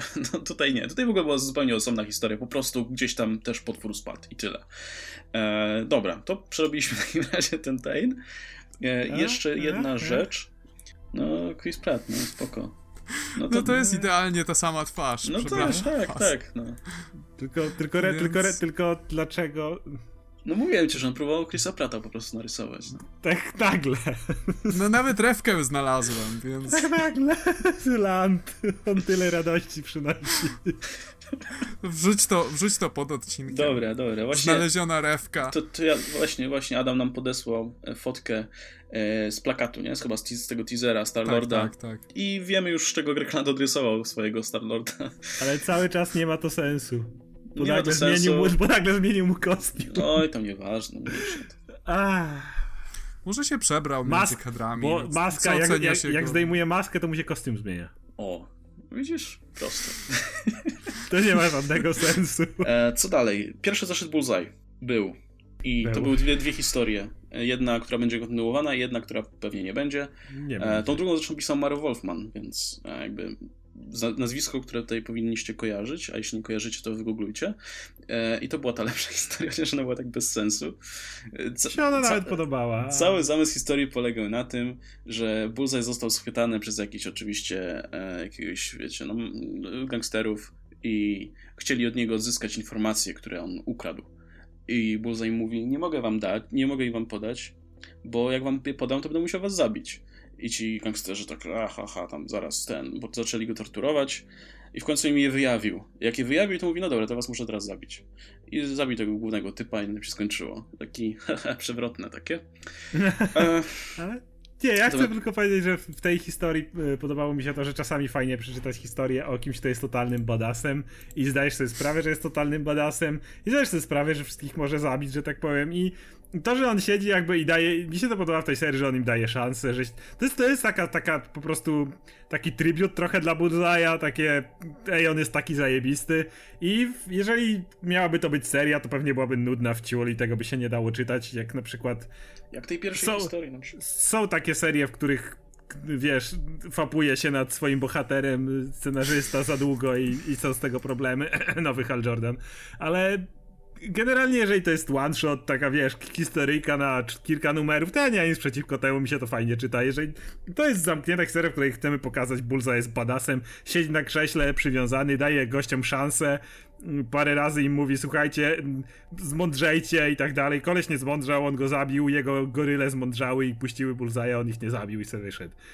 Ja mówię, nie miałem nic przeciwko tej historii, która pokazuje Bullseye jest badasem. Natomiast ta pierwsza historia, tutaj już się bardziej zgodzimy. No, no, no. To pierwsza historia generalnie polega na tym, że Bullseye by bardzo chciał coś do roboty, coś, co będzie wyzwaniem, bo już nie chce brać jakichś tam black ich zleceń, ma wyjebane, chce po prostu, lubi zabijać, więc chce jakieś zlecenia, które będzie, będą pozwalały się tutaj wykazać. I tyle. I to jest, tak jakby zostaje wysłany do jakiegoś tam, gdzie on tam, kartelu jakiegoś, tak, żeby uratować syna e, jednego z swoich, jednego z gangsterów i tyle w sumie. Znaczy, to jest próba klasycznej historii, wyślij potwora na potwora i potem zobacz, który jest większym potworem. Tylko, że to jest dziwnie napisane. Masz Bullseye'a, który po prostu chodzi po ulicy i zabija ludzi, bo mu się nudzi. I to takie... No, Wiesz, jest, jest- taki, jest jest, taki, mo- cała scena, taka bardzo długa w zasadzie scena, gdzie on rozmawia jakby o celach misji i po prostu bierze spinacze i z okna rzuca tymi spinaczami w ludzi I, i, i, robi, i, robi. I robi taką, taką rzeź po prostu na ulicy tymi spinaczami. Taką totalną rzeź tam wywołuje. No, tak jakby, jakby- Grał, grałby w GTA bez fabuły, no. No. I, No, tak. siedząc, siedząc na oknie, siedząc na oknie po prostu rzucając spinaczami w ludzi.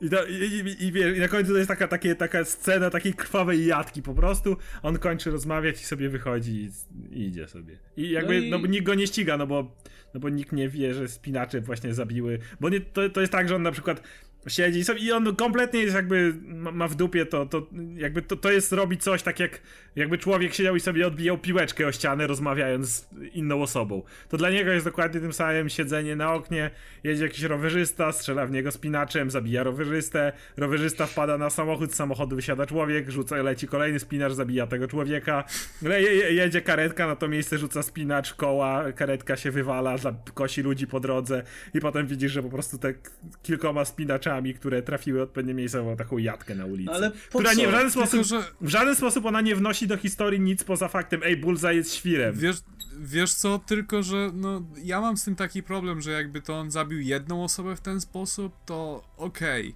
Ale jak on zabija z 20 No, osób, więcej. po prostu sobie strykając spinacze z okna, to, to jest po prostu tak głupie Jest. nieziemsko. Jak gdyby, ile on ma siły w tych palcach? Ale to po co? W sensie, Ale w ogóle co, po, co właśnie, to daje to, to nic nie historii? wnosi. W sensie... To daje tylko, ej, patrzcie, Bullseye jest psychopatą i lubi zabijać ludzi, nie? Bo nie, nikt o tym nie wiedział. Ale o ile sam nie jesteś psychopatą, to też to cię przestaje bawić w którymś momencie. Gdyby Tak. na przykład on w ten sposób mordował innych, nie wiem, innych podobnych sobie, No- no, no- to jeszcze okej, nie? Ale, ale No dokładnie to jest ludzi, potrzebne. Nie masz poczucia, że to jest fajne, nie masz poczucia, że to coś wnosi.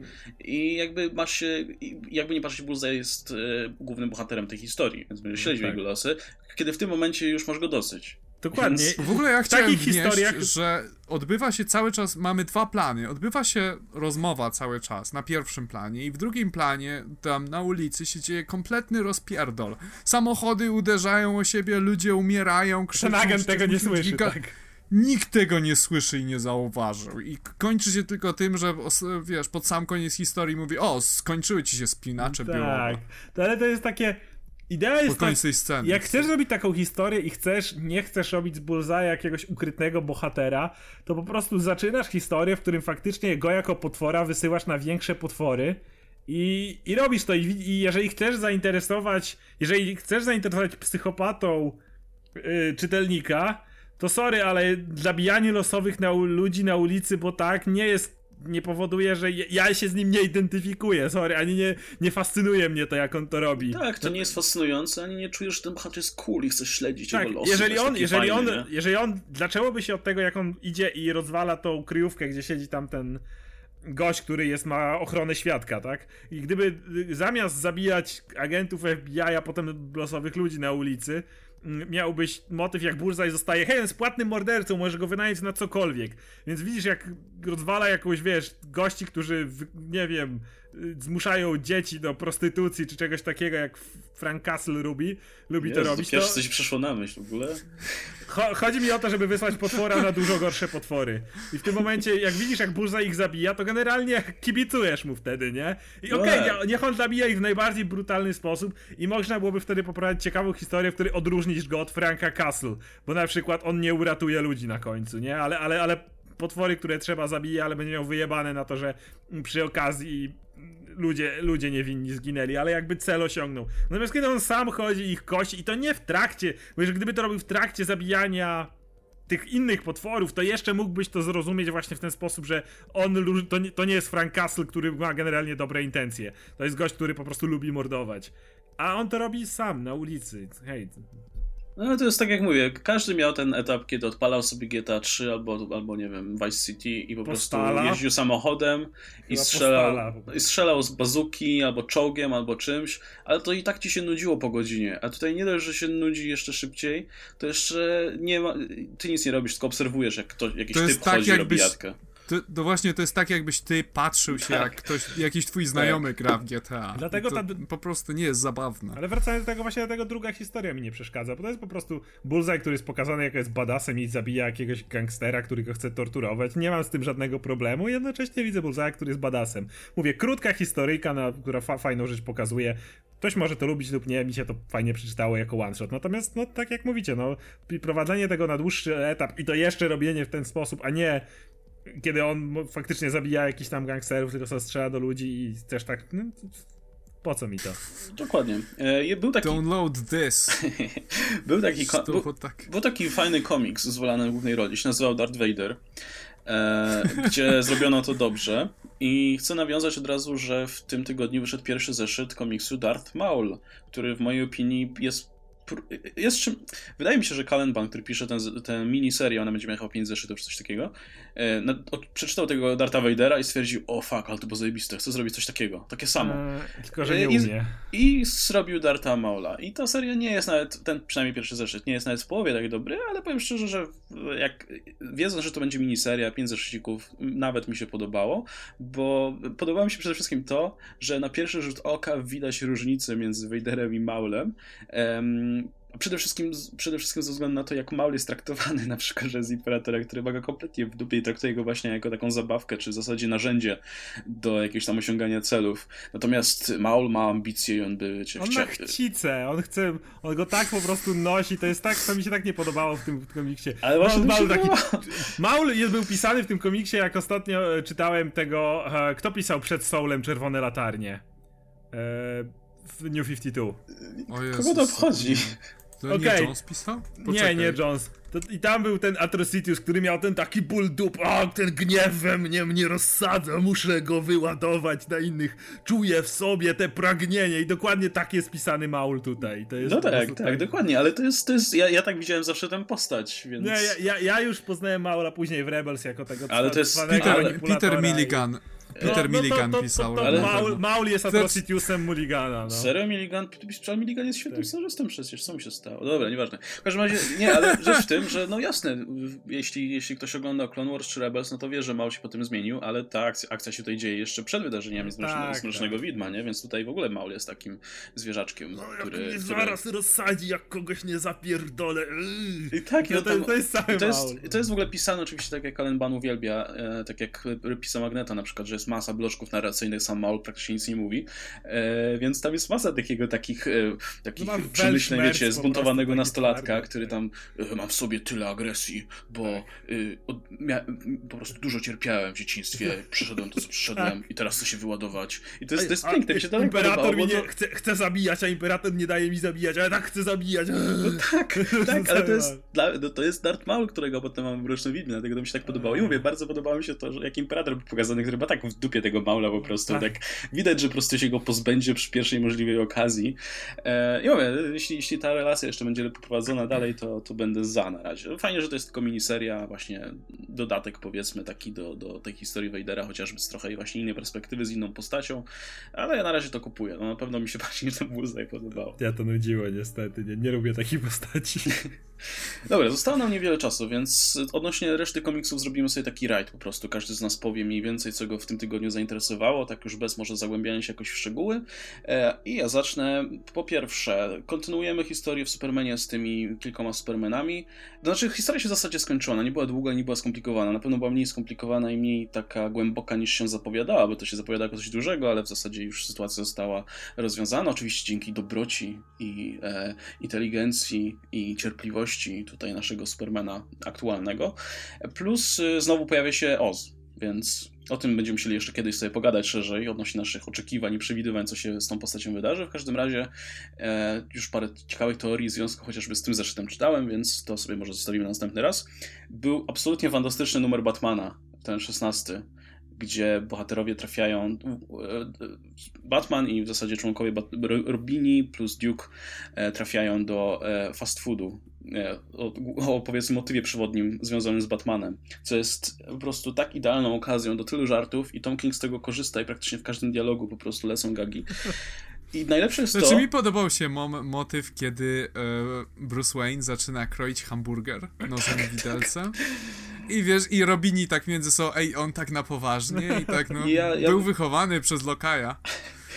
Jest masa takich właśnie żartów, które są naprawdę jakby wynikają z charakteru postaci. Ja bym musiał po prostu tutaj przytaczać ich masę. Wrzucałem sporo screenów na Comics Weekly i na swój fanpage, więc możecie tam ich poszukać, ale polecam sięgnąć po ten zeszyt, nawet jeśli nie jesteście w temacie, bo co prawda on jest zawiązany jakby w continuity tej aktualnej serii, ale te żarty myślę są zrozumiałe dla wszystkich.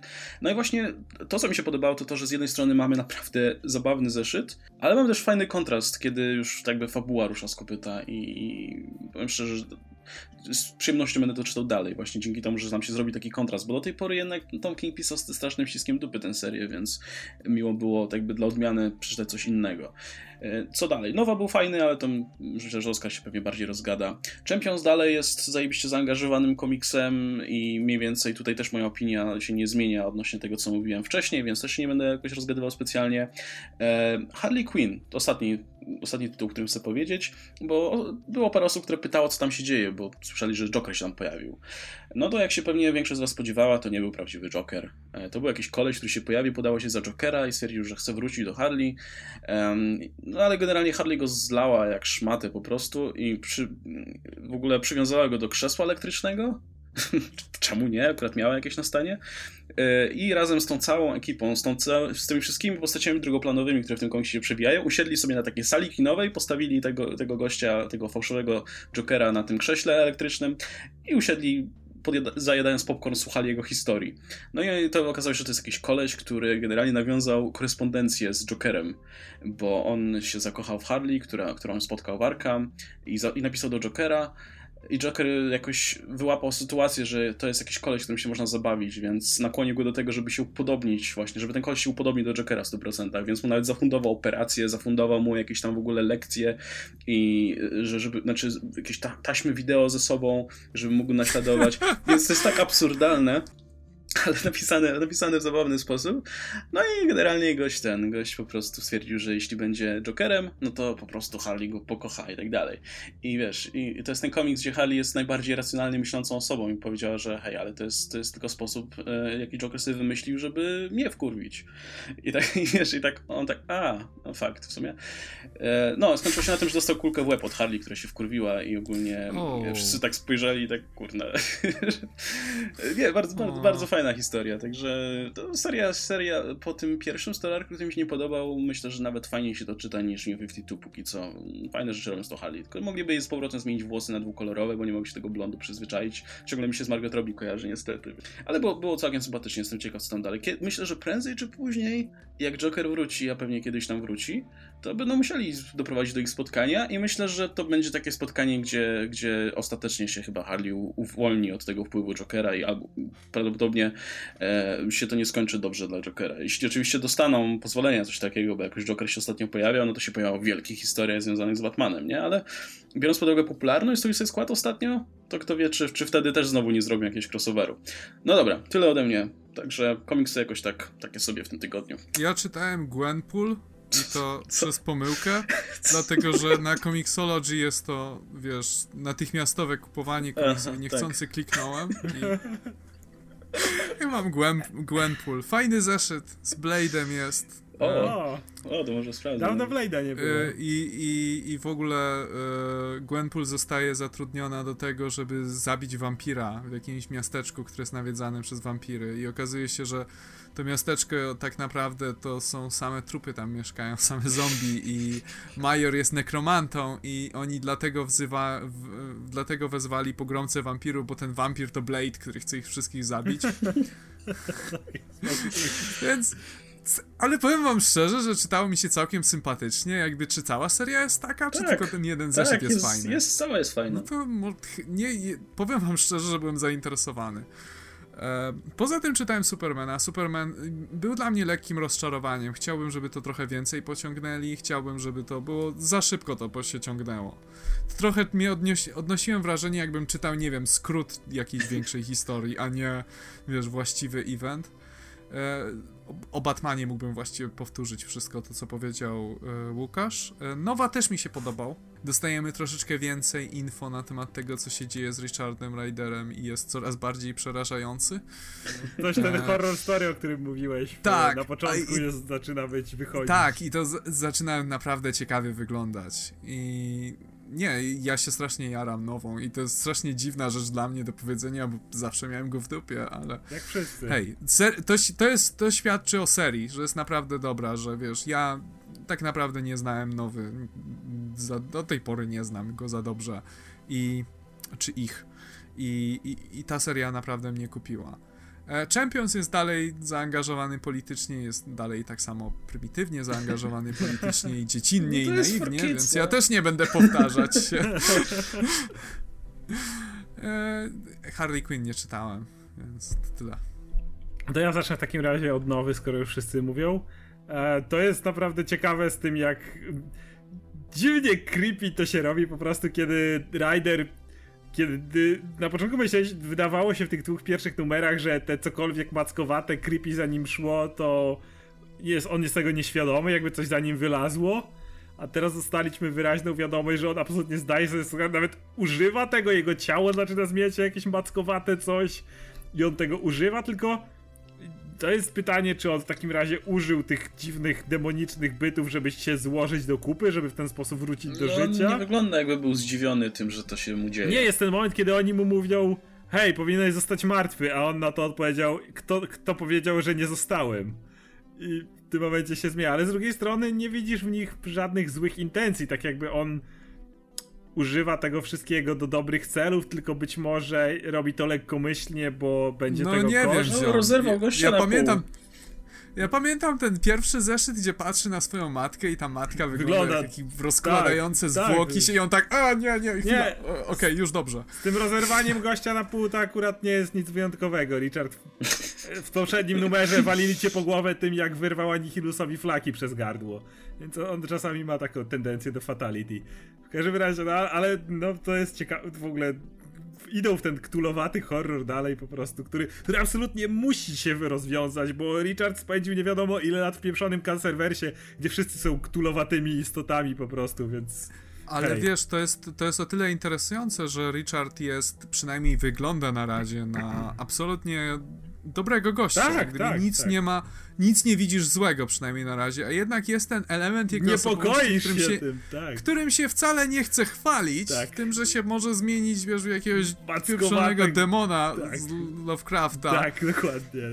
Ja wam powiem, co się stanie. To się okaże się, że to są jakieś byty właśnie, które się tutaj przyniosły, które przejęły świadomość i pamięć Richarda Rydera i potem się, oka- i potem się okaże, że są źli i sam go pokona i koniec. I będziemy mieli serię solową z samym.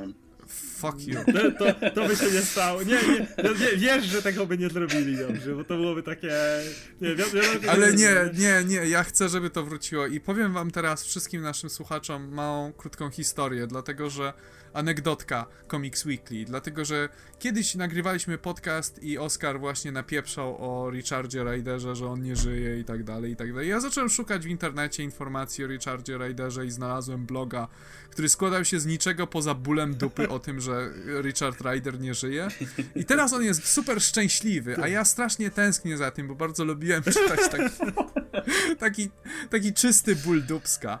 Więc jakby tak się stało, jak właśnie Łukasz powiedział, to blog by wrócił do swojego normalnego, no, to normalnego motywu i bym chciał chciał wrócić. E, jeszcze ostatnia rzecz, to jest fajna zapowiedź kolejnego numeru, który będzie Love Dramą, gdzie sam, o, to gdzie sam Aleksander będzie próbował umówić się z dziewczyną w szkole, której, której bardzo miał awkward pierwsze spotkanie, a Richard spotka się z powrotem z Gamorą i to, to, jest, to jest ważny romans tej, tej postaci w ich relacji, więc bardzo na to czekam. E, dalej czytałem Moon Knighta nowe. Z pozytywnych opcji teraz Richard Rider ma macki. tak. Może mieć macki, więc yes. może tego użyć. Ale co dużo anime oglądałeś tak. w przeszłości, jak nie e, wiem. tak, wiem, ale nie wiem dlaczego to była moja pierwsza myśl, jak zobaczyłem ten zapowiedź. Ja wiem, ale okej, okay, może przejdźmy dalej. Ja, tak. E, czytałem Moon Knighta i oczywiście Lemir stara się do, doszedł do pewnego punktu, tu będą spoilery, ostrzegam. Doszedł do pewnego punktu z Markiem Spektorem, wyjaśnił, że tak, tak, on był chory psychicznie od dziecka i tak dalej, spoko, ale ponieważ nigdy nie wyjaśnił nam, czym jest konszu, to teraz zaczyna nam mieszać w głowie po raz kolejny. Ej, a może on był chory psychiczny? Nie, bo od dziecka szeptał do niego konszu. I wiesz, i w momencie chwila, to on był chory psychicznie, czy mu, czy mu wywołał chorobę psychiczną Bóg Księżyca, a może on był chory psychiczny od dziecka, bo myślał, że szeptecze do niego Bóg Księżyca. I w tym momencie masz to znowu te wszystkie akcje, i trochę przewija się e, całe, całe życie Marka Spektora, jak on był młody, jak miał te wszystkie, wydawało mu się, że księżyc do niego gada, jak był w wojsku i e, sfałszował swoje papiery, żeby ukryć chorobę psychiczną, przez co go wykopali z wojska, a miał akcję, że na przykład w środku nocy wchodził na pole minowe na Golasa i patrzył się w księżyc i tak sobie stał. I tak ci żołnierze tak, ej, co ty tu robisz? No i go wykopali. I oczywiście cały czas miał tę wizję, że gdzieś tam konszu do niego się odzywa, co jest ciekawe. E, jest pokazane, jak spotkał Frenchiego na przykład, czyli tego jego pilota. E, a jednocześnie przechodzi ta druga fabuła, w której jesteśmy, mamy totalnego mindfucka, kiedy e, Mark Spector zanurzył się w otchłani, żeby zdobyć coś, co posiada Anubis, żeby odzyskać duszę swojego przyjaciela Crowleya i tam jako Mr. Knight ma pojedynek na włócznie na wielkich insektach z Egipcjanami. E, no. Standard. to Moon Knight. E, ta, seria dalej jest rewelacyjna. E, I poza tym, co jeszcze. Czy ja, czy coś w ogóle. To był, to był to jakiś taki dosyć mały tydzień, że tak powiem, nie było za wiele no, ciekawych tytułów. Nic, nic A, skończyłem Karnaka i zawiodłem się tą serią.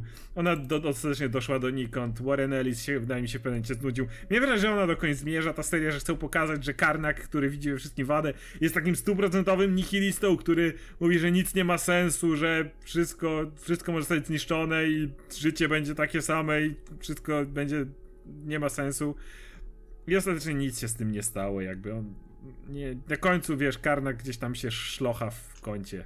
No wiesz, Ale... Warren, Warren Ellis ma inne rzeczy na głowie, bo za dwa tygodnie rusza Wildstorm, nie? Więc, e, więc myślę, że to będzie też ważna premiera, którą się tam zajmiemy swoją drogą. Tak, no, e, I, no... w sumie nie wiem, czy nie wolę, jak się zajmuje tym Wildstormem. Nie, spoko, ale miał tylko, miał tylko sześć zeszytów do napisania i to wydawało się, że gdzieś idzie, a potem... To już dwa lata wychodziło. A potem właśnie przez jakieś...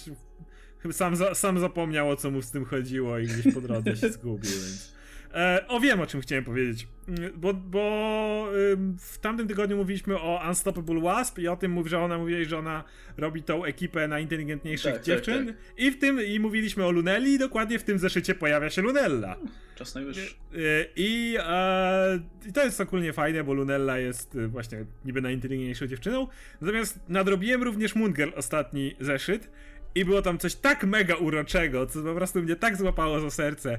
Jak mamy młodych, na, nastoletnich, czy, czy jeszcze młodszych bohaterów zwykle, to ich rodzice zwykle mają dwie opcje, chyba że są Batmanem. E, pierwsza opcja to e, nie wiedzą o tym, co robi ich, ich pociecha, jak na przykład Spider-Man, który jego ciocia nigdy nie wiedziała, to tam nieważne, nie będę wchodził w One More Day znowu, ale nie wiadomo, ukrywał to i czy Kamala, no sporo nastoletnich bohaterów ukrywa to, że są super bohaterami przed rodzicami. Ale albo zawsze się dowiadywali, to też jest ciekawe, nie? Albo mówią swoim rodzicom i wtedy ro rodzice, co jest dosyć naturalne, robią się nadopiekuńczy. I może jednak ty lepiej nie idź tam walczyć z tymi przestępcami i tak dalej. Starają się porzucić, żeby, żeby te, ich, ich pociecha porzuciła tą rolę. Jest przecudowna scena po prostu w przypadku e, Munger Lunelli, e, która, której rodzice też już wiedzą, że ona biega z wielkim dinozaurem po ulicach. E, bo wcześniej ich odwiedził Amadeus Cho i wyjaśnił, że ona jest prawdopodobnie najinteligentniejszą osobą na świecie. E, I jest taki moment, kiedy siedzi Lunella i jej mama e, układa jej włosy. I myśli sobie, że przed snem czy coś i, i mówi e, do mamy, że nie musisz tego robić. Nie, nie, nie, nie córko, musisz budzić respekt na ulicy. I, i potem masz, i potem, że ona, i, i Lunella sobie myśli, że ona tego nie potrzebuje, ale że jej mamie sprawia to przyjemność, więc jej pozwala i za chwilę później widzimy, jak ona biegnie na, na Devil Dinozaurze i ma te włosy tak postawione, tak na takie igły do tyłu, bo mama jej tak zrobiła. Więc to, że, więc to, że, że mama przygotowuje jej włosy, żeby była respectable, kiedy idzie, robi jako munger na ulicę, że dziewięcioletniej córeczce, wiesz, układa włosy, jest było tak urocze, po prostu, że, że mnie to kupiło. Było takie bardzo inne niż zachowanie zwykle rodziców do swoich bohaterskich dzieci. No dobra, no i tak to wyglądało w tym tygodniu i myślę, że na tym możemy zakończyć. E, jeszcze raz zachęcę Was oczywiście do odwiedzania naszych kanałów YouTube'owych, na których się ostatnio dzieje. Łodama też, to, to warto zaznaczyć, no, że ostatnio się dzieje. Jest. I właśnie robię filmik komiksowy, właśnie wow. go montowałem dzisiaj. Kurna. Więc. Wow. W ogóle. Więc ta. Rebe, re, mruwa rebel. No, no, no dobra, także, także koniecznie zaglądajcie na te kanały, no i oczywiście na fanpage. E, w tym tygodniu może nie było dużo fajnych komiksów, ale było ewidentnie co udostępniać na fanpage'ach dzięki Gregowi Landowi między innymi, czy Batmanowi, o którym wspominaliśmy. E, no i oczywiście mm, możecie oczekiwać także dodatkowych odcinków, tak jak ostatnio. Mam nadzieję, że ta forma Wam się podoba. I to tyle w takim razie od nas. Ze mną był oczywiście Adam Antolski, Jankul Mruwa. Hej wszystkim. I Oskar Rogowski, komiksomaniak. Cześć wam. Dzięki wielkie za uwagę, trzymajcie się, cześć.